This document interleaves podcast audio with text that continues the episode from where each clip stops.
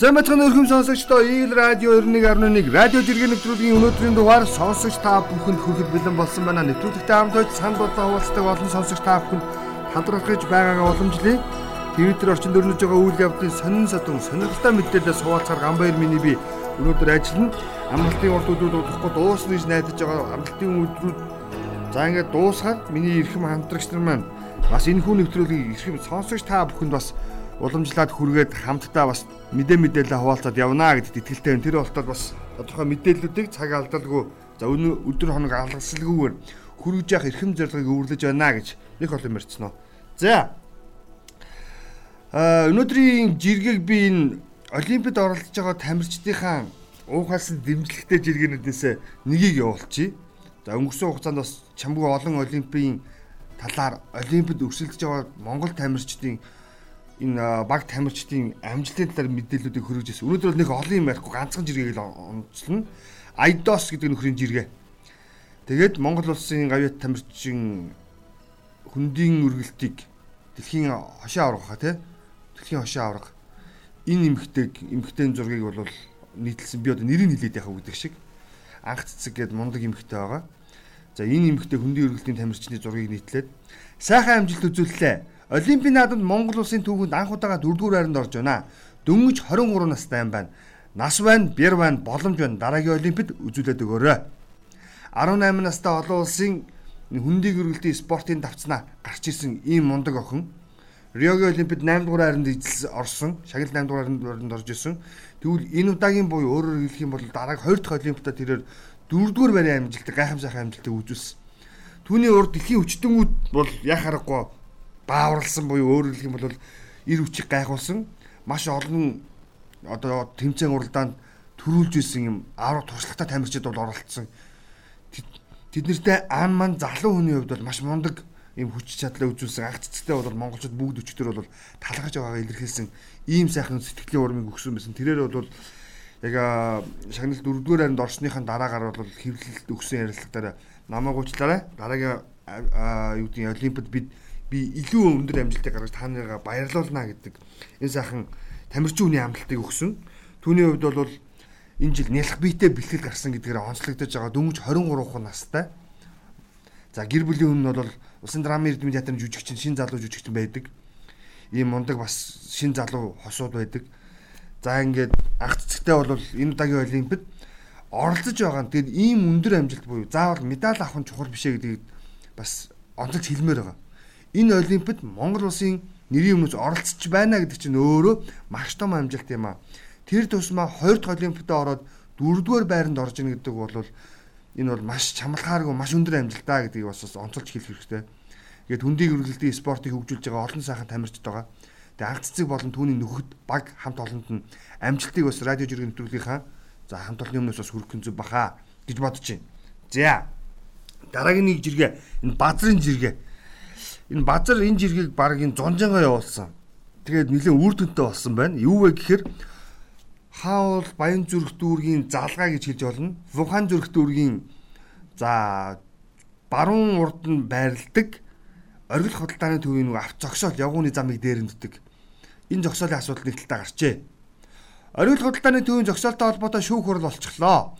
Хууль бусаар ашиглаж байгаа газрыг чөлөөлөх арга хэмжээ авахыг нийслэлийн засаг даргын хамгийн газар даалгахаар шийдлээ анхнаас нь хамт байж шүүх хуралд оролцсон ингээд туслах дүү нартаа баярлалаа. Өмнөх шүүгч амраад өөр шүүх орсон юм аа гэд. Та бүхэн сонсогч та бүхэн санаж байгаа бол нийтийн эзэмшлийн гудамж талбайг за нэг хэсэг нүхтүүд ингээд дур мэдэн ашигладаг. За хувийн эзэмшил мэтэр авч зогсоол олгож олон хүмүүсийн эрх ашигыг зөрчдөг юм үйлдэлүүд гаргадаг талаар мэдээлэл хүргэжсэн. За оргил худлааны төвийн талаар мэдээлэл иргэн нэг сануулхад яг Вухан зүрх буюу Ван зүрх дүүргийн 26 дугаар хорооны иргэд за дүнжин гар буюу Хомпласагийн уулзуураас алхаад за ингээд цэцэрлэг төрөлн лөө явах замыг үндсэндээ ингээд явгууны замыг нь бол хэсэг урт талбайг бол ерөөсө байхгүй шууд э, юу болгочихсон авч зогсоол болгочихсон шаардлага тавихаар тойроод явахгүй юу гэдэг ийм хідэр байдлаар авиралдаг байсан оргил худалдааны төвийнхэн. Тэгвэл энэ асуудлыг шүүх бас нэг талнаараа шийдэж өгсөн байна. Тэр ямар ч хэлсэн нийслэлийн шүүх бол шийдвэр гаргасан. Нийслэлийн засаг дарганы хамгийн газар энэ ажлаа хизээ их юм бэ? Хизээ оргил худалдааны төвийн авах зогсоолыг буулгаж явган хүний замыг аюулгүй зорчдог боломжтой болгох юм бэ гэж бас одоо хүлээх цаг хугацааны асуудал хүлээж байна. Энэ яг бас сонирхъя гэдэг шиг бид ч гэсэн бас иргэн мэдээлэл сурвалжлаа тийм ээ боломжит хэлбэрээр бас сэтгүүлч найз нөхдөд хэлье гэж бодож байна. За дараагийн жиргээ Батчаа эдийн засаг гэдэг хаягнаас жиргсэн. Нөхөр юу гсэн бэ гэхээр Сэв замаскаар машина жолоодох юм байлгүй дээ. Уг нь бол safety first баймар юм а гэдэг нэг хүний постыг жиргсэн. Тэр нь хин бэ гэхээр гадаад гамбаяр гэдэг тодголтой гадаад мэдээний орчуулагч тоомж гамбаяр хотгоод жиргсэн байгаа. Машины зар тавьсан юм аа. Ингээд зар тавихаар сэв замаск зураас л асуугаад ах юм. Угтаан бол мотор кроп нь илүү чухал аймаараа гэдэг. Яг тийм бохог. Манайхаа яг өдөө өнөөдөр ингээд авто худалдааны төвүүч гэдэг юм автомашин худалдан борлуулах гэж байгаа нөхдүүд ингээд очиод машин үзэхээр яг гаднах арьсаар нь гадаргуу дээр явж байгаа юм шиг аашилдаг. За юу сэвтэй юу те урд хойноос орж исэн үү? Будаг төрөө тавьсан уу? Дандаа хэлж тэгж асуудаг. Үзүнч мэдээч хэрэг байх хэрэгтэй л те чухал. Гэхдээ тухайн машины хөдлөх хүч буюу өөрөөр хэлбэл мотор короп нь ямар нэгэн доголдолгүй байх юм бол тэр машин чинь аюулгүй явна үсттэй. Үнэхээр тэ гаднах нь муухай байгаа байх юм бол байгаа чи хэрээр машины үнэлдэг бол бас муухай тийм ээ. Доторх нь ямар ч асуудалгүй бол гаднахыг бид нар тордож болно, үнийг буулгаж болно. Ямар ч хэлбэрээр тэрэнд өөрчлөлт оруулж болно шүү дээ. Тэг манай энэ машиныхын их марцсан л та. Машин зарна гэд ямар машин гэхээр өө эмхтэн уунж исэн тунд ажгүй машин байгаа гэдэг. Өө яг ясам дээр эмхтэн бол машиныг тараадаг л байхгүй одоо эмэгтэй хүмүүс яг цэвэрхэн сайхан машин ундаг хүүхнүүд байдаг л гэхдээ дийлэх эмэгтэйчүүд бол машиныг бол за ер нь бол бараг л муухан хэлэхэд бол авч явдаг хогийн сав шиг л байдаг шүү дээ. Эцүү усан юмных нь хог нь хаалгаар нь дүүрэн. За ингээд машины хоёр талын сандалны завсраар бол тэгэл нөө уруулын будаг харандаа үзэг бал одоо унж болох юм бүгдээрээ унтсан баг. Нэг тийм тэгээ ингээд эмэгтэй хүмүүс ер нь л их бохор умдаг өөрөө их тийм цэвэрч идэв шиг ба. Тэгэл юм болгоноос салфеткээр арчаал тавиад байсан. Арчсан салфеткээр машинаараа нэг хийгээ хайчихдаг. Тэгээ автугаалт ажилдаг зарим нөхдөд хэлдэг шүү. Хүүхдүүдийн машиныг угаас дургу өрмөр гэдэг. Зарим юм нэг аваа хайчиж болдоггүй юмнууд ингээд байгаад байдаг. Хог юм уу те эсвэл зүгээр нэг түр ашиглахгүй юм аа ингээд тавьсан юм уу гэмээр юмнууд ингээд байдаг. Тэгээ хайчаар юм нь хулгаалцсан болчих гээд эсвэл алга болгоцсон болох гээд байдаг. Айгүй зовлонтой. Тэгээ хаяхгүй ингээд тэр зүгээр хатайхан ингээд өрөөд ингээд тавьчихад энэ хог хайсангүй гэж ууралдаг гэдэг байгаа юм Тэгээ нэг эмгтээчүүд маань бас машин дэргээ бас цэвэрхэн унж тий баймаар байгаа хөөхгүй. Ирчүүд бол яг машиныг бол эхнэр хүүхдээсээ илүү бараг зарим нь бол хайрладаг шүү дээ. Манай бол хэсэг бүлэг найзууд би машиныхаа эхнэртэй хэлгүй нууцаар тоноглоно. Янз бүр ид ангийг нөгөө нэг ховор үнтэй чамин тийм тоноглолуудаар тоноглодог юм найзууд бас цөөнгүй байдаг. Тэгээ ирчүүд бол машиныг сайхан ундагаа тэгээд гэж бас юм байгаад байна. За энд нэг жиргээ байсан. Уян цог гэрлийн жиргээ Социализмын үед бүх юм нь хэмэрхий хамархаа байж илээ. Атуусны суудлын бүрээсийг нь төмрийг нь гарт ухаад, подизны гэрлийг суурнаас нь унжуулчаад, цахилгааны утнаас нь гэрлийн лампа хамгаалаад барины шил дүүжилсэн байхад нь л сууртай юутаа хуу татцсан хаалганы бариул нь дотуур хаймар энтер гэд.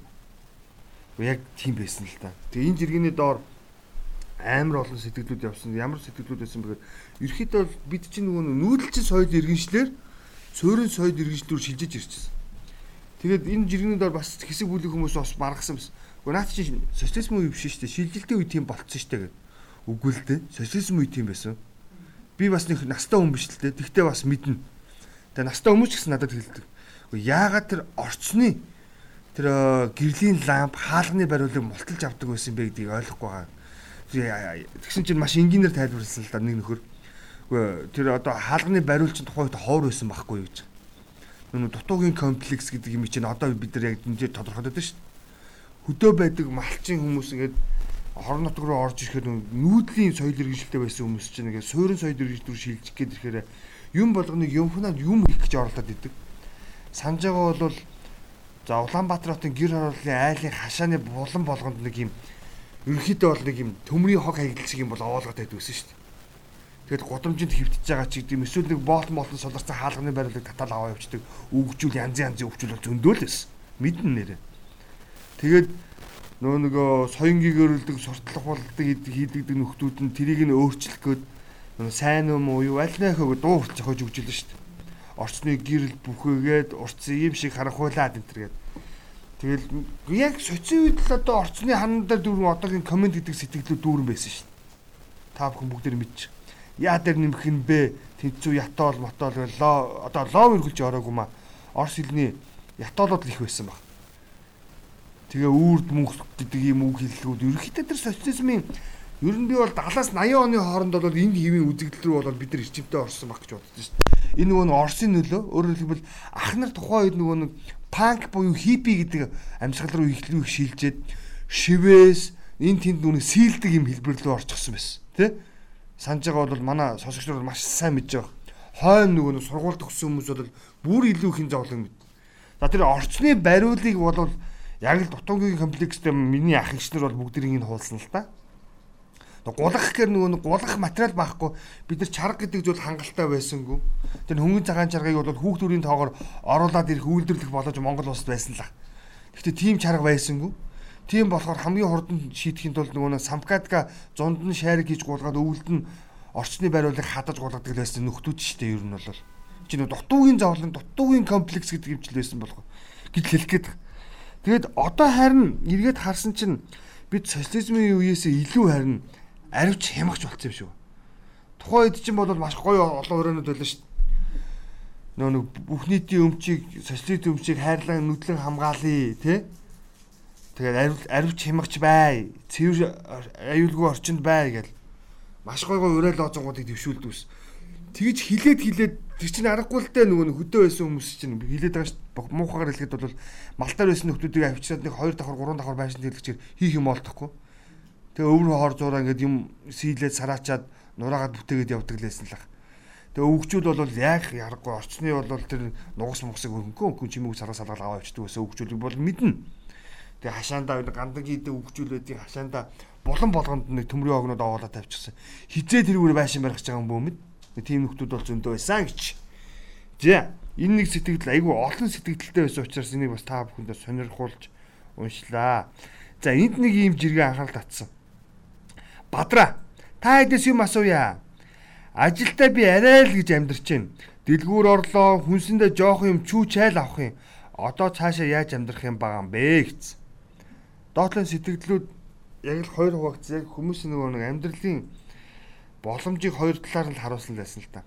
Нэг хэсэг нь бол олсон идэ байгаа одоо хураасан идэгээ идэж амьдарч ин даа л гэдэг. За нэг хэсэг нь бол яг үндэ бол ажилдаа бид нар ийм байгаа юм чи ажилгүй байгаа хүмүүс бүр хэцүү байгаа штэ гэдэг асуудал их хэрэгцсэн. Энэ нөгөө шатгууны үнийн өсөлт гэдэг зүйл 600 төгрөгөөр нэмэгдснээс хойш өргөн хэрэглээний бараа бүтээгдэхүүний үн огцон өсөлт бий болцсон л бүр гайхалтайгаар өсчихсөн ийм дүр зургууд яваад.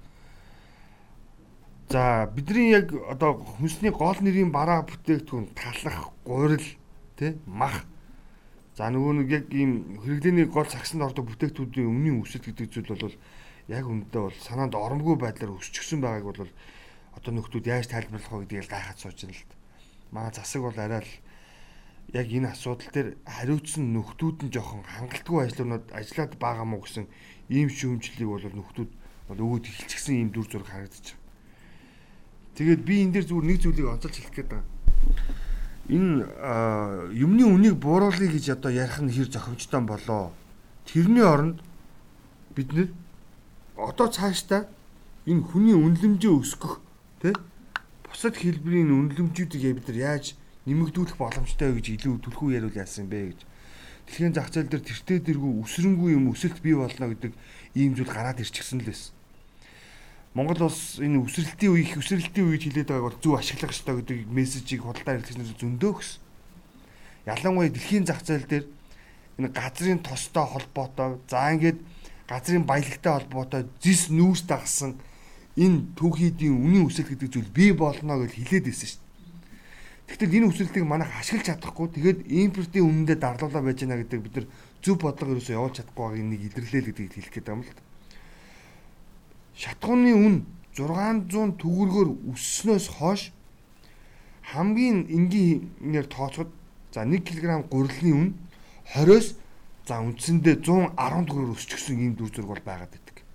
Яг одоогийн зах зээл дээр байгаа үн шүү дээ. Жишээлбэл би нэг ийм мэдээллийг харж байсан 6 сарын 30-нд килограмм гурилны үн 1 кг тутам нэгдүгээр гурил шүү дээ нөгөө одоо зэрэгэрлэл хамаарад үзэх юм бол 1350 төгрөгтэй байсан гэж байна. Гэтэл 8 дугаар сарын За ингээд өнөөдөр чи 3 гэдэг чи 2-ны байдлаар яг өчигдрийн нэг мэдээлэл би санаад байгаа. 1 кг гурил 1-р зэргийн гурил 1400 төгрөг болчихсон. Тэгээд энэ бол дундаж өсөлт гэдэг. А тэгвэл хамгийн бага өсөлт бол 20 төгрөгөөр нэмэгдсэн. Ер нь бол бараа бүтээгдэхүүн нь. За хамгийн өндөр өсөлт бол яг 600-аар дагсан 1000 хүртэлх 1100 хүртэлх төгрөгийн өсөлт байгаад байна гэдэг зүйлийг ярьж. За энэчэндээ түрүүний хэлжсэнчлэн 20-с 110 төгрөгийн өсөлт бол хэвийн үзэгдэл болчихсон. Харин өсөөгүй юм шиг дүр зураг гараад ирчихсэн. За хамгийн супер үн бол гээд 1100 төгрөгийн үнийн өсөлтөд яваад байна гэдэг зүйлийг онцлоод байгаа. Тэгээд нөгөө нэг одоо бид нар чи өргөн хэрэглээний бараа бүтээгдэхүүний хүнсний сагсны нэр нэрийн бүтээгдэхүүн дотор нэг өндөг ороод ирчихсэн байгаа. Тэгвэл өндөгний үн бас дахиад л өсчихсөн. Тэгээ бас нөгөө дахиад гахааныхаа үн нь өсчихсөн. Нэг ийм дүр зурагт. За хамгийн аимшигтай зүйл бол бидний өөрсдийн тарж ургуулж чаддгүй жимс жимсгний бараа бүтээгдэхүүний үн бол супер өсөлттэй болчихсон. Яагаад вэ гэхээр нүн хэрэглээ нь өөр айгүй хэрэлттэй болчихсон учраас үнийн өсөлт гэдэг зүйл нь огцон бий болчихсон. Жишээлбэл миний олж уншсан мэдээлэл дээр за алим килограмм тутамдаа 500 төгрөгөөр өсчихсөн байгаа бол мандрин буюу нэг одоо яг тэр чинь ямар төрлийн перс гинтер гэдэг ямар төрлийн жимснүүд гэдэг л юм хүчлэлэг жимснүүд гэдэг штэ. Ийм төрлийн жимснүүд бол үндсэндээ 2000 төгрөгөөр дараа өсчихсөн. Үнэн. Нэг ийм дүр зурагтай яваад. Гэт ингээд энэ мэдээллүүдийг ингээд ухаад түгөөд явах юм бол маш олон үнийн өсөлтүүд энэ чир гараад ирчихсэн байсан. Тэгэхээр бид нар нөгөө нэг их хүсрэлтийн үеийг зөв ашиглаж чадахгүйгаас болоод өнөөдөр за ингээд импортын бараа бүтээгдэхүүний үнийн өсөлт нь дарлагдж байгаа гэдгийг ойлгох хэрэгтэй болчиход байгаа юм л та. Тийм учраас биднэрт одоо яах ёстой юу хэрэгтэй вэ гэхээр бид энэ импортын бараа бүтээгдэхүүний үнийн өсөлтөнд дарлуулж байгаа болол эргүүлээд нөгөө талд нь сөрөг арга хэмжээ буюу сүрсэн базааг үнэлэмжийг өсгөх талаар хийх хэрэгтэй болчиход байгаа байхгүй. Иргэн үнийн үнэлэмжийг өсгөе, хөдөлмөрийн үнэлэмжийг өсгөе. Шууд цалин хэдэн хувиар нэмж нэмж хэлэх хэцүү мэдээж хэрэг улс орны эдийн засаг мөнгө төгрөгийн ханш доллартай харьцах харьцаа гэд олон талаар нь тоо бодох юм бол шууд энэ бодлого бол айгүй хэцүү мухардалд орно. Шинэ айлгуурын онолууд ч гэсэн ерөнхийдөө мухардалд орохоор хэмжээнд очиж чинь. Тэрний оронд бид нар үнэлэмжийг бодиттой байдлаар буюу хөдөлмөр эрхлэлтийнх нь нөхцөл байдлаас нь хамаарч өсгөх шаардлага байна л гэж хэлэх гээд байна.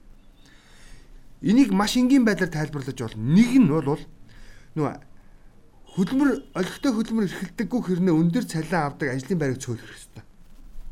Нөгөө данхаасан бүтцийг цөөлөх гэдэгт агаар нэг сонсогдох хэрэгтэй шүү дээ. Санаж байгаа бол Монгол Улсын ерөнхий сайд нэг зүйлийг бүр мангас чангаар хэлсэн. Төрийн албанд за 20 гаруй хүнтэй алба хилцүүд үйл ажиллагаагаа явуулдаг. Гэтэл тэр дотор ажил хийдэг 4-5 хүн байдаг. Тэгвэл энэ орон тог цэгцлэнэ гэж. Тэгээл та гэж хэлэх гээд байгаа байхгүй. Яг энтэй агаар нэг адилаар яг нийгэмд баялаг бүтээж байгаа буюу яг үн цэнтэй хөдөлмөр эрхэлж байгаа энэ ажил хөдөлмөрийн за үнэлгээг нь өсгөё. Шаардлагагүй байгаа буюу за төдийлөн бүтээмж багтай байгаа ажил хөдөлмөрүүдийн үнэлэмжийг бууруулъя л үг штэ ерөөсөө. Учиргүй олон дараагаар яах юм бэ? 10 хүнтэй хилтэс 6 дарагтай 4 ажилтнтай баймааргүй л байна яг үнэндээ дөрөв ажилтны хоёр нь ахлах баймааргүй байна. Яг үнэндээ. Тэр 6 дарга ажил дээр байдаггүй биш. Байлгадаг байх хэмжээний ажил хийлгэмээр байна. Гэдг л асуудал яриад байгаа. Тэр 6 даргаыг нэг болгоод тэр үлдсэн 5 хүний цалингийг нь тэр 4 хүнд нэмэгдүүлээд өгч л дөө эсвэл. Дөгөө.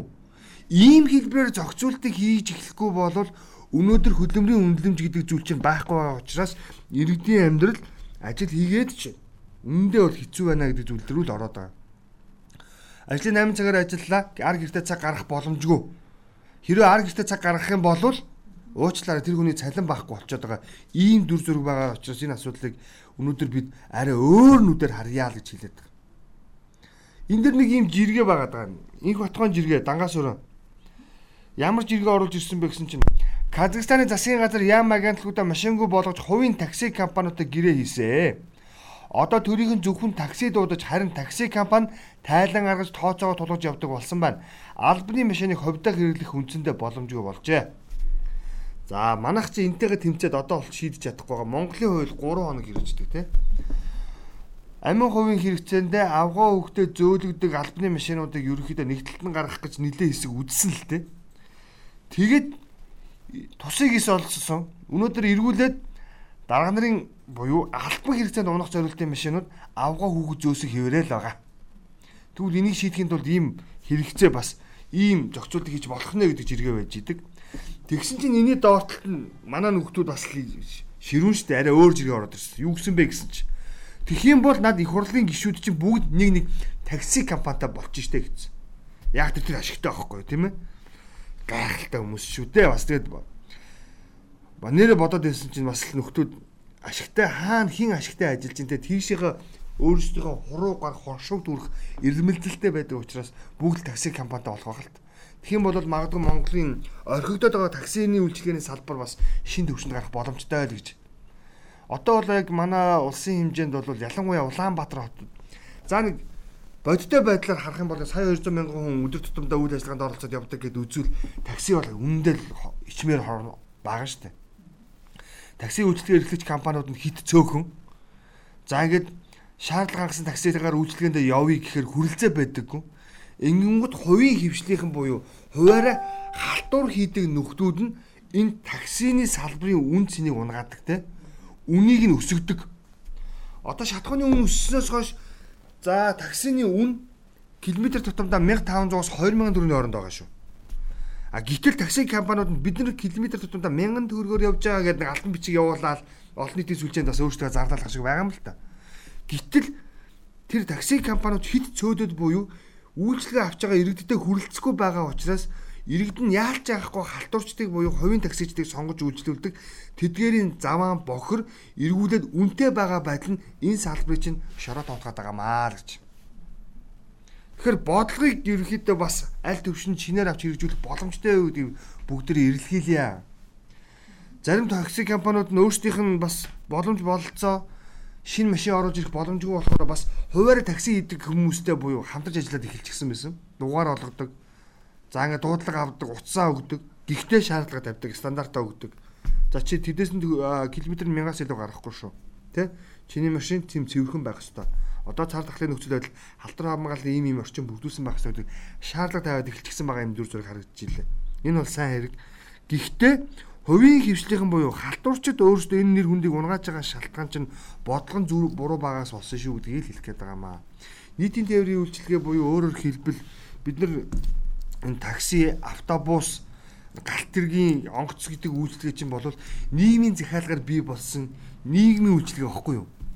Энийгээ зөв бодлогоор зангидахгүй бол энэ хувийн хөвчлийнхэнд бид нар хэсэг цөөн бүлэг нөхдүүдээс болоод те нийслэл нэг хашаа аваад нэг пүрүүс аваад амьдрчихна гэдэг бодолтой хүмүүсээс болоод энэ бодлого ч унаад байгаа шүү л гэж хэлэх гээд байгаа маа гол санаа. Одоо маш олон иргэн өнөөдөр Улаанбаатарт орон нутгаас орж ирээд нэг хашаа авчдаг эсвэл хашаа автлаа хин нэгэн хамаатан найз нөхдийнхээ хажууд гэр барьж амьдарч ийснаа нэг пүрүүс зарсан малынхаа мөнгөөр нэг пүрүүс авч унаад ингээ халтур хийж амьдрнаа гэж бодоод ороод ирчихсэн нөхдөд олон байгаа. Үүнээсээ бол Улаанбаатарын төвжил гэдэг юм чинь бий болдгийм аа Үүнээс болоод Улаанбаатар хотод энэ таксины салбар, тээврийн салбар чинь дороотоод идэх юм а гэж гээд. Маш олон иргэн мэддэг штеп. Өдөр хийх юм болддгоо гинэ. Ажлын байр авахгүй, багнуур, налаах, баг ханга 100 модын иргэд жишээлбэл. Ажлын байр авахгүй. Тэгвэл хот руу өдрийн цагаар орж халтур ичээд орой буцаа явдаг. Ингэж л амьдраад байгаа юм да. 100 мод Төв аймгийн төв 100 мод одоо хот гэх юм уу сум гэх юм уу 100 модын иргэд бол Улаанбаатарт ирж машин авгаалгадаг.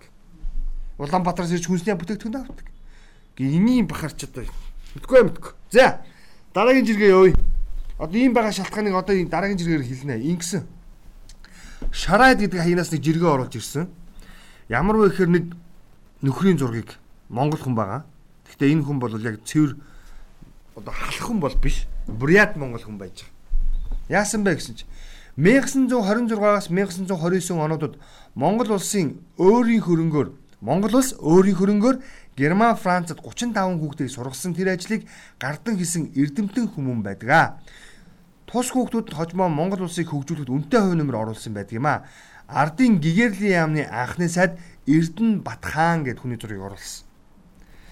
Тэгсэн чинь энэ хүний хийсэн үйлдэл бол маш мундаг байсан л да. Тухайн үеийн монголчуудыг өнөөгийн соён гэгэрүүлэх ажлыг буюу өөрөөр хэлэх юм бол суурин соёл иргэншлүүр миний нэвтрүүлгийн ихэнд хилээдсэн суурин соёл иргэншил рүү шилжих шалтгааныг эхлүүлсэн маш олон одоо оюуны түүчилэгч нар бол тэнцээ байсан. Нэг нь бол яхаарахгүй гүн голотаа нацагд орж байгаа. бүгдээрээ мэддэг. Түүний ихнэр паган байна. За ингээд буйн нэмэх байна. Маш олон юм сэхэтүүдийг нэрлэж болно. Тэгээ утга зохиолыг хөгжүүлснээр нь бид нар бол өнгөрсөн зуунд бол шагшин магтаж ирсэн. Гэтэл тэдний хэлж байгаа утга зохиол өөрөө ямар үүрэгтэй байсан бэ гэдгийг бид нар бүгдээ маш сайн ойлгох ёстой. Тэгээ түүний энэ саяны шараад энэ жиргэнд доор сонирхолтой жиргээ орж ирсэн. Аа ер нь бол бид хөвчлэн утга зохиол, нийгмийн соён гэрэлт талаар нь хүмүүсийг мэддэг болж бусад салбарыг сайн мартцсан байдаг гинэ. Ингэж юм л та. Олон гой хүмүүс байсан. Жишээ нь Германд байсан нэг нь халаа гэсэн баха тэр цагт их ихэд үнэхээр ховор үзэсгэндээ хүүхэн байсан гэсэн айлуудад суулгадаг байж л тэ. Тэр суулгадаг айлын хүү дурлсан сүулт нь халаа нэртэй шоколад хүртэл хийсэн байдгаа гэд. За ингээд бас тэгж байгаа. Монгол хүүхдүүд зарим нь Францад, зарим нь Германд хоорондоо Франц, Германаар загтал бичсэн харилцдаг байсан. Хожмоо бүгдийг нь хөрөнгөний үжилтэнгүүд гэдээ устгасан байдгаа гэд. Тэгэд яг энэ үеэр зүгээр яг нэг аимшигтай зүйл болсон юу гэхээр тэр хүмүүс яг үндсэн үүргээ гүйцэтгээд Монголын ард түмний соён гэгэрүүлээд ороод ирэхээр нөгөө нэг комментэрнийх нь шүү дээ манай нөгөө төгсөөг яриад байдаг. Нөхөр нөхөр комментэрнчүүд бол устгасч эхэлсэн тэр хүмүүсийг. За эдгээр чи үндэсний үзлээс сэргээгээ те энэ Монгол улсыг би даасан болгоод ингэж ирэх юм бол бидний харьяан дор харьяалал дор байж болохгүй чадахгүй болох нэ. Тэ? Тийм учраас энэ нөхдүүдийг ерөөхдөө бол барууны үзэл сурталыг дэлгэрүүлэгч те хөрөнгөний үзлийг сурталыг дэлгэрүүлэгч гэдэг ийм номлолоор цааш нь харуулъя гэдэг хар хайрцагны бодлого Монголд бол комментэрний үндэс суртал сурталаар аимшигтай хэрэгжүүлсэн. Түүний нэг жишээг юм чайр гэдэг хянаас жиргсэн байна л да. 1924 он тухайн үеийн нам төвийн хорооны ерхий нарийн бичгийн дарга дамбд орж баруун Европын хэд хэдэн оронд зорчиж за хамтран ажиллах нэлээд хэдэн гэрээ хийсний дотор оюутан сургах асуудал байсан юм а. Харамсалтай 1927 онд баруунтан гэж буруутгагдаад 32 онд Москвад сургуульд явуулна гэж авч яваад буудан хороосон. Коминтернийхэн 1927 онд шууд цаадалсан бол монголчууд түүнийг өмөрөн босгож бэлэн байсан юм а. Дамбд оржийн ачаар манай анхны сэхэтүүд барууны боловсрол эзэмшин орчин үеийн Монголын суурийг тавьсан тухай яагаад түүхчид төдийлөн догхорохгүй байгаа юм бэ? Одоо харьцангуй дуурдаг болж эхэлсэн. Тухайн үедээ буюу өмнөх 100 гэж хэлээ л да тий. Хагас 100 жилийн өмнө бол энэ тухай ярихад үнэхээр хэцүү байсан. Энэ тухай ярьсан нэг нэг нь буруутгадаг, хавчингаа дургадаг, цөллөгт явуулдаг л байсан. За тэдгэрийн нэг бол нөгөө нэг Жамингог би гэж би хэлж чадна. Жаминго бас сүрхий сүрхий хурц нийтлвчдэг юм мундаг сэтгүүлч хүн байсан. Яг л намын үжил суртал үнэхээр болохгүй байна. Орос ахнаар та нар хитрхийг шүтээд байна. Наа орсууд чи биднийг чангалаад байна штэ гэд хатууган дуурчдаг байсан ийм сэтгүүлч байсан. Тэр хүнийг хоёронтой цөллөгт явуулсан байдаг. Тэр хүнийг нам төрийн удирдлагууд буюу тухайн үеийн ардын намын их хурлаар авч хилэлцээд цөллөгт явуулаад Завхан аймгийн тосон зингэлд сум цэндгуутай хамт цөлж исэн байдаг юм байлээ. Одоо бол Жаминго амьд зэрүүн та бидний дунд бас өөрийн бас сонирхолтой нийтлүүдтэй бичсэн нэгэн байгаа. Тэгээд хожмоо бол түнд бол төрийн шагналыг бол гардуулж исэн ийм хүн байдаг. Тэгээ би энэ хүнийг яагаад ярьж байна гэхээр энэ хүн өөрийнх нь амьдрал одоо бал дарга гэж одоо бидний дахин шүтдэг нэг талаараа бас үзэл сурталыг дэмждэг юм хүн байдаг. Энэ хүнийг бол одоо миний амьдралд хоёр том толбын нэгийг нь хийсэн гэж үздэг. Тэр хүн маш олон бүтээл хийж, маш олон соён гэрэл үйл ажиллагаанд оролцох хэрэгтэй байсан боловч амьдралын минь 10 жилийн тэ энэ хүний шийдвэрээр одоо цөллөгтэй болсон гэж өөрөө бас шүүмжилдэг юм байлээ. Тэгээд миний амьдрал бол ерөөхдөө бол одоо миний амьдрал шиг амьдралаар амьдарсан маш олон сэхэтнүүд тухайн үеийн хөдөлмөрч за сэхэтнүүд архич те хөдөлмөрч ард түмэн олон байсан шүү гэдгийг бол одоо чангаар хэлж явдаг ийм хүн байдгийн. За. Энд нэг марцан жиргээ байсан. Болор гэдэг хаягнаас. Манайх ямар азар далаад гарцгүй байсан юм болоо. Далаад гарцтай байсан бол усан тээвэр гэж бас нэг дампуу салбар байхгүй юу? Бүгд далаан дээрэмчин хаа энтер гээл бла бла бла гэж явж өгөндөө доотлолт наасан л та. Нэрээ азар бид нэрээ ямар азар одоо энэ далаад гарцгүй бич байсан гэж бодох шиг Хэрвээ далаад гарцтай байсан бол бидний цөөхөн монголчууд чинь нэг бол живж өгөхөд таарна. Одоо чи нөө хідэн уул руугаа живс самранд явахаар төөр жалга болоод бортод нэхэд байгаа хүмүүс шүү дээ. Тэгэхээр чи далаад гарцтай байсан бол хідэн 10-аараа завин цугаад живэд алга болчихно. За тэгээд нөө далаа өвчи гэдэг юм чинь бид нарт түгээгээд наалдаад завхархал байсан л ахал. Тэгээд нэг бодол энэ далаад одоо далаад гарцгүй ирнэл манай энэ чинь энэ далаатай холбоотой нөхдүүд л дампуу ажилдаг шүү дээ Санаж байгаа бол энэ далаан захиргаа гэдэг нэг юм байгууллага байдаг Монголд. Монголчин далаад гарцгүйж гисэн бас далаад далбаага эзэмших ийм эрхтэй орон.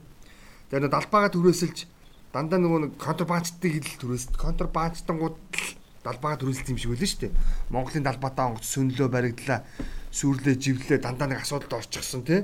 Хил зөрчсөн, усан хил зөрчсөн гэл хил ам дагуулад идэг. Гэтэл энэ далайн захиргааны нөхдөвчин бол далайн гарцгүй үжиж л бас далаа дээр бужигнуудад хүмүүс шүү дээ. Яг үнэндээ бол ярил бас ярьж болохоор юм байгаа. За. Өнөөдөр энд нэг гоё жиргээ байсан. Лаура гэдэг ханаас жиргсэн Нэх гоё эмхтэй хүний гараа гэдэг ийм бүгжний зураг ингээд оруулаад одоо ядан муруундаа бүгд зүүцсэн зураг оруулсан л байсан л та. Тэгээ би ихлэ зургийг харчаад сүүн бүгж авсан болоо гэж бодоод уншлаа. Ингэж юм. Бүгжээрөө нэг гангарчгаад унтээ да. Анх 300 төгрөгөөр пиавер бүгж хосоор навч зүгээд эхлүүлсэн амьдрал минь байгаамаа. Өнөөдөр ийм хөөрхөн бүгж өгсөн 500 төгрөг л гэдэг юм байна. Хідэн төгрөгөөр хідэн төгрөгийн бүгж биш хэрэг сэтгэлээр холбогдсон энэ харилцааны утга учир оршиж байгаа юм да гэх. За жиргэний доотлолт бол хүмүүс маш олон гоё эерэг энергитэй жиргэнүүдийг явуулсан.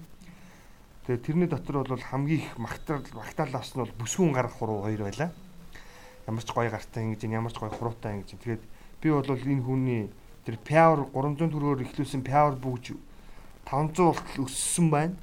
Тэгээд энэ хүн бас энэ амьдралыг бас ингээд ийм гоё ингээд болгоод явж байгаа сэтгэл хангалуун байгаа да сэтгэлээ илэрхийлсэнд баярлж байгаа. Яг тэр нэг ч гэсэн Монголын иргэн өөдрөг юм байг л дээ. Бүгдөө бүхнийг бас муухай хараад яах вэ? Алин болгон юмыг ад үзэвдээ гэдэг шиг бас өнгөтөө өтө харьяа гэж бодоод энэ жиргээ уншчихъя гэж бодлоо. За энэ нэг гоё жиргээ байсан. Арднаа, Че Арднаа гэдэг хаягнаас Ираны Тиграны музейд Мон Ираны Тиграны музейд байгаа Монгол дээл гэд за ингээд эртний Монголын олдрууд бололтой юм дээл байгаа. За ингээд ерөөхдөө бол бор шар өнгийн За ингээд маш гоё юм тайлтай. Тэг юм шоргоолцсон хүн гэж хэлдэг шүү дээ, тэ. Аюу гоё зэгцтэй би хаатай ингээд юм. За бидний хэлдэг юм зөрүү өнгөртэй дээлтэй. Дээлийн зургийг оруулж ирсэн. Тэгээ Катарын Исламын музейд бас нэг юм дээл байдаг гэдэг дотор сэтгэлүүд ирсэн. Тэгээ энэ дээл ямар учиртай дээл вэ гэхээр би зүгээр яг мэдтгэл хэлээ. Энэ дээл болохоор Иран, Тигран болол үндсэндээ бол ил хаадын үлгийн нутаг дээ. Манай энэ тасмынхан бас маш сайн сурвалжлага За бэлтгэжсэн Монголын айсан монголчуудын талаар маш олон цаахан цуврал нэвтрүүлгүүдийг хүргэж ирсэн. Тэгээ ил хаадын үеийн энэ монголчуудын үлдээсэн маш олон өв өнөөдөр дундад Азад бий. Тэгээ ил хаадын үед бол бид нар чинь дундад Азийн исламын бүгд найрамдах маш том гүрнийг бол Перс зэргийг бол монголчууд бол үндсэндээ өөрийн иршилд оруулж чадчихжээ. Бид нар бол одоо агуу түүхээрээ бахархдаг. Тэрнтэй адилхан бид нар энэ өв соёллороо энэ ил хаадын нутагт үлдсэн өв соёлоодыг бид нар бас тодорхой хэмжээнд одоо халтаршуулах энэ ажлыг бас бид нар өөрсдөө бас санаачилж хиймээр санагдаад байд. Тэгээд би энэ дээлийг харцаа зүгээр бодсон л да. Энэ үед би монголчууд ямар гой биетэй байсан бэ гэдэг. Энэ дээлийг харангууд бид нар нэг герман офицерын хувцс гоё гэдэг герман офицерын модель өмсгцэн хувцсыг хараад маш гоё мөртөө тайлтай ханцуутай гэж магтдаг. Тэгээд яг тэрнтэй адилхан энэ дээлийг ингээл харахаар маш гоё тийм цэгцтэй хүний бие харагдаад байгаа байхгүй шүү. Тэгэхээр монголчууд тухайн үед ямар гоё байсан бэ? Би хаа биеийн хөгжил сайтай байсан бэ? Одоо бол бас эвгүй шүү дээ. Манайхан ч бол стандарт бас болчихсон. Тэгээ нэг бол нэг сайхан өндөр нэг бол сайхан урт бүдүүн гизнүүд л гүзээнүүд л гараад ирчихсэн. Тэгээд ийм үеийн монголчуудын биеийн хөгжил пропорц зүг байжээ. Энэ нэг хоол хүнсний хэрэглээтэй холбоотой. Зундаа нөгөө нэг сүү цагаан эдэгээ идэж илэх хотод ариутхан цэвэрлжээд өвөлдөө бол тэгэл махаа идэл туугаал Тэгэл хавраас борц руугаа ороод тэгэл нэг явдаг да гэдэг шиг. Тэгээд ингээд ярих юм бол айгүй олон зүйлийг ярьж олно л да. Зүгээр яг би ягаад энэ жиргэг онцлоод байна гэхээр ил хаадын үеийн түүхийн талаарх мэдээлэл бас бидэнтэй та бүхэн хуваалцаарай. Ил хаадын үед бол монголчуудын соёл яг дорнолгоо асар их уусаж нэгдсэн байдаг. За ингээд тухайн үед бол маш том суурин иргэншилтэй орнууд бол тухайн үед байсан. Энэ суурин соёл иргэншил рүү Монгол нөгөө соёл одоо өөрөөр хэлэх юм бол нүүдлийн соёл ингэ шингэж нийлж ингэ шинэ өвүүдийг бүтээж исэн байдаг юм бэл. Ингээд яриул бас олон сонирхолтой жиргэнүүдийг ярьж болно. Би дараагийн дугаараар бас яг ил хааттай холбоотой сонирхолтой түүхийг та бүхэнд уншиж өгье гэжээя гэж. За дараагийн нэг жиргээ. Энэ мөнх цөлөөний зоригт өөжгийн хоёр ретвит хийсэн байсан. Тэгээд энэ заргийнх нь хэлж иргэм шүү хаа. Өдөр болгон гой баримтлагаатай байхандээ дулааны 3 дугаар цахилгаан станц, нийслэлийн прокурор гээд зариг мэдээлэл байгаа шүү. Авилгатай ингэж тэмцээд байвал болж байна гэд. Ийм жиргээ байхгүй л те. Би энийг бол шууд зүгээр жоохон онцгой талаас нь хэлчих. Шалтгаан тун ингийн яг энэ жиргэний доотлолт болохоор нь гой баримтлагаа гэж яг юу гэсэн үг вэ? Энийг тайлбарлаач гэдэг асуудлууд ихээр яригдсан. За энэ гой баримтлага гэдэг үгний ардлт нь ерөөхдөө манай за ус төрчид энэ хэвлэлийнхнийг худалдаж авдаг. Ялангуяа сэтгүүл зүг өөрөөр нь ингэж өөрийг нь боомлол алхам хийдэг болчихжээ гэдэг зүйл их яригдсан. Энд дэр хин нэгэн заргийн тухай ярих биш. Хин нэгэн гамбарын тухай ярих биш. Тэ? Хин нэгэн нэвтрүүлэг нийтлийн тухай, сайтын тухай хэлж болохгүй. Зүгээр юун зүв зүүн зүв бэ гэхээр ус төрчид энэ хэвлэл мэдээллийн байгууллага худалдаж авдаг тий энэ балиар технологи болчихооч л гэж хэлэх гээд байна. Бид нар ч гэсэн уг нь бол амьдрмаар байгаа юм л да. Гэхдээ ийм юм ашигламааргүй байна л гэж хэлэх гээд. Тэгээд манай энэ хууль зүйн сайд Нямбатар бол жишээлбэл зааштай ямар нэгэн баримтлагаа нэртэй нэг супер супер юм хийх гээл олонний анхаарлыг татахын тулд хэвлэл мэдээллийг ингэж дагуулж гүйдэг лайв энэ төр дамжуулдаг нэг ийм технологитой олчихсон За энэ чинь нөгөө нэг их хурлын дарга зандан шатраас халдварлсан л та. Зандан шатар чинь нөгөө нэг засгийн газрын шийдэх газрын дарга багтаал хид хид уурхаа руу очиж дайчилгаа дайчлан баримтчилгаа гэдэг зүйлийг хийжсэн санаж байна. Асхтын мөнгөний ор зэрэглүүд очиж зүгээр сүрийг үжилжсэн тусгай тасгийнхантай очоод тэгээ энэс авсан юм халдварт өвчин л тоо. Тэгээ одоо бол хууль зүйн сайдын тэрийг ашигладаг болчихсон. Ямар нэгэн одоо юу гэдэг тусгай ажиллагаач гэх юм уу тий хууль ёсны ажиллагаа зохион байгуулах болохоор тэрийг ингээд чимээгүй нөгөө карманы буюу өөрөөр хэлэх юм бол одоо худалдагдаж болох хэвлэлийнхнийг очиж худалдаж аваад өөрийнхөө тэр ажлыг нэг сурталчилдаг нэг юм юм заван алхамтай болчиход байгаа юм л. Тэгээ улс төрчид энэ хэвлэлхнийг ийм тусармаг үйлдэл ашигладаг байдлаа болох хэрэгтэй. Тэгээ манай хэвлэлийн ч гэсэн бас тодорхой хэмжээнд санхүүжилт хэрэгтэй л байдаг ба. Тэгвэл альва зүйл бас хэм хэмжээ цензур хязгаар гэдэг зүйл бас жоохон баримтлал яасан бэ л гэж хэлэх гээд байгаамаа гэж хөрх юм. Тэгээд яг саяны тэр нэг жиргэний доотлол чинь хамгийн их санал авсан буюу хамгийн их хүмүүсийн сэтгэл бэлтсэн юм бол ер нь хууль ёсны баримтлага гэж байхаа болцсон бүгд шоу штэ гэдэг тий хин нэг нэг муухай болгож харагдуулдаг нэг юм шоул хийдэг болчихжээ л гэсэн сэтгэл их байл. За дараагийн нэг жиргээ дэлгэр сайхны жиргээ энэ зүгээр яг манай монголчуудын алдаа л да тэгээд Ингэж байгаа. Үхсэн. Энэ ЮНЕСКО-гоос нь юу н гарчихгүй юу доо илүү байгууллага Америкийн нэгдсэн улс Израиль хоёр Оросын талбын лобби ихтэйгээд нилээд хэдэн жилийн өмнө гараад муухай болоогүй л байндаг гэд. Яасан бэ гэдэг ихсэн чинь ЮНЕСКО гэдэг дэлхийн өвийг хамгаалдаг юм байгууллага байдаг. Энэ байгууллага за улс голд далан барих ажлаа зогсоо гэд Монгол улс руу шаардлага явуулсан гинэ. Байгалийн цогцлбор дарахын ийм газруудыг сүйтгэж гинэ гэд шаардлага өргүүлсэн гэж байгаа. Тэгээд энэ зүгээр яг манай монголчуудын өөрсдийнх нь хохин л доо. Газар нутг дээр юу барих хэсгээ өөрсдөө шийдэж чадахгүй олон улсын байгууллагаар дарамтлуулаад байж идэг гэдэг нь өөрийнх нь хох нэг. Хоёр яагаад хохин вэ гэхээр бид нөгөө нэг 1988 89 90 онд өөрчлөлт шинжилэлтийг эхлүүлэлтэд зэрэгцээд ухраа мэдрэхгүйгээр дэлхийн маш олон олон улсын байгууллагууд гүгээд орчихсон. Тэгээ тэрийг юу ч хэлж тэрийг яаж тухайн үед өөрсдөө нүрээ тахалж ирсэн бэхээр бид ардчлал хүмүүнлэг шударгаас те энд эвлэлдэн нэгдэж хүний эрхийг хангах гэж байна гэд энэ бүх хэлбэрийн энэ олон улсын байгууллагыг гүгээд орчихсон. Одоо энэ соёлын өвийг хамгаалдаг бүх юм байгууллагт байдаг. Хүүхдийн эрхийг хамгаалдаг бүх байгууллага руу Монгол орчихсон. Одоо ганцхан яг нэг үгэхэд одоо энэ хэрүүлийн алин болчиход байгаа шхаб гэдэг одоо шахаа хамтын ажиллагааны байгууллага гэдэг. Инээс бусад бүх олон улсын байгууллага Монголд нийлсэн орчихсон шүү дээ. Энэ эдгээрийн үр дүн нь одоо энд ингээ гараад ирж байгаамаа. Үүнээсээ болоод Монгол улс олон улсын өмнө алцгар байдалд орчихдог. Ямар нэгэн шийдвэр гаргах гэхээр нөгөө талаас авч байгаа санхүүжилтээ алдчих гаддаг. Тэгээд тэр олон байгууллага руу гүгээд орохоор ч олон төрлийн төсөл хөтөлбөр хэрэгжүүлэх гээд маа даганаас яг хөтэ нөгөө мөнгө хийх дуртай юм чинь. Төсөл хөтөлбөр хэрэгжүүлэхэд санхүүжилт авчдаг. Тэгээд тэдгээр байгууллагуудын эрх ашигт захирагдаж үндсэндээ бол дотоодын бодлого буюу гадныханд үйлчилсэн ийм байдал руу бид яваад байгаамаа л гэдгийг та нар хараарай л. Эний ганцхан жишээ хамгийн сүүлийн жишээ бол нийгэмд өрнөж байгаа жигсаал цуглаанууд. Нийгэмд За засгийн эсрэг буюу өөрөөр хэлбэл Монгол төрийн бодлогын удаан үргэлжлэх бодлогын эсрэг гаргаж байгаа энэ жоохон эсэргүүцлийн өгнүүд ихэвчлэн гаднаа санхүүжилттэй байдаг шүү гэдгийг ойлгоорой.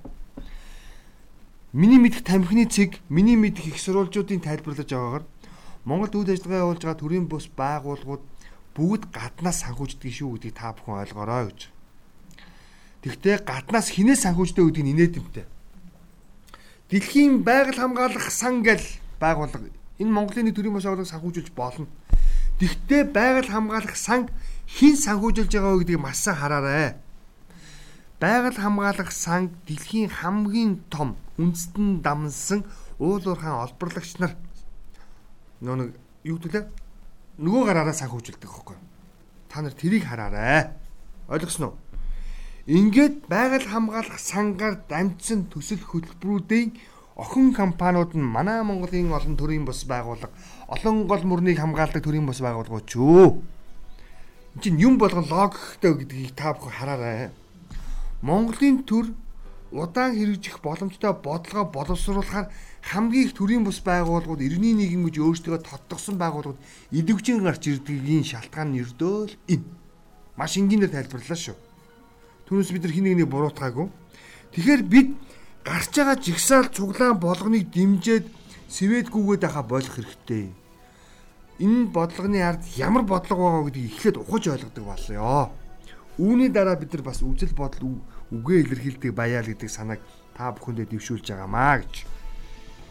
За нэг юм нэвтрүүлгийн цаг төгсөн байна найруулагч тохиж өнөөдөр айгүй урт ярьсан уу гайгүй. За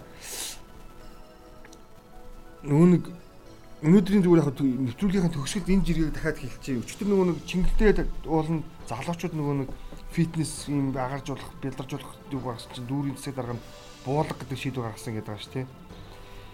Ийм тэнэг байхаа болоо гэж хэлмээр байгаа байхгүй яг үнэндээ. Яг харахгүй залуучуудын чөлөө цагаа өнгөрүүлэх боломжтой газрыг эн чин одоо спортоор хичээлээд байгаа хүмүүс цөөхөн ирж ярих ухаж байгаа хүмүүс нь олон болчихноо гэдэг ийм зүйлийг яриа сууж идэг засаг дарга байж байвал тэнэг л байна. Хүн өөрөө ямар байна хандлага тийм л байт. Яг үнэндээ. За за нэвтрүүлэг энэ үрээд өндөрлөж байна. Өнөөдрийн дугаартаа хамт байсан сонсогч та бүхэндээ баярлалаа. Маргааш идүү олон мэдээлэлтэй эргүүлж байна та.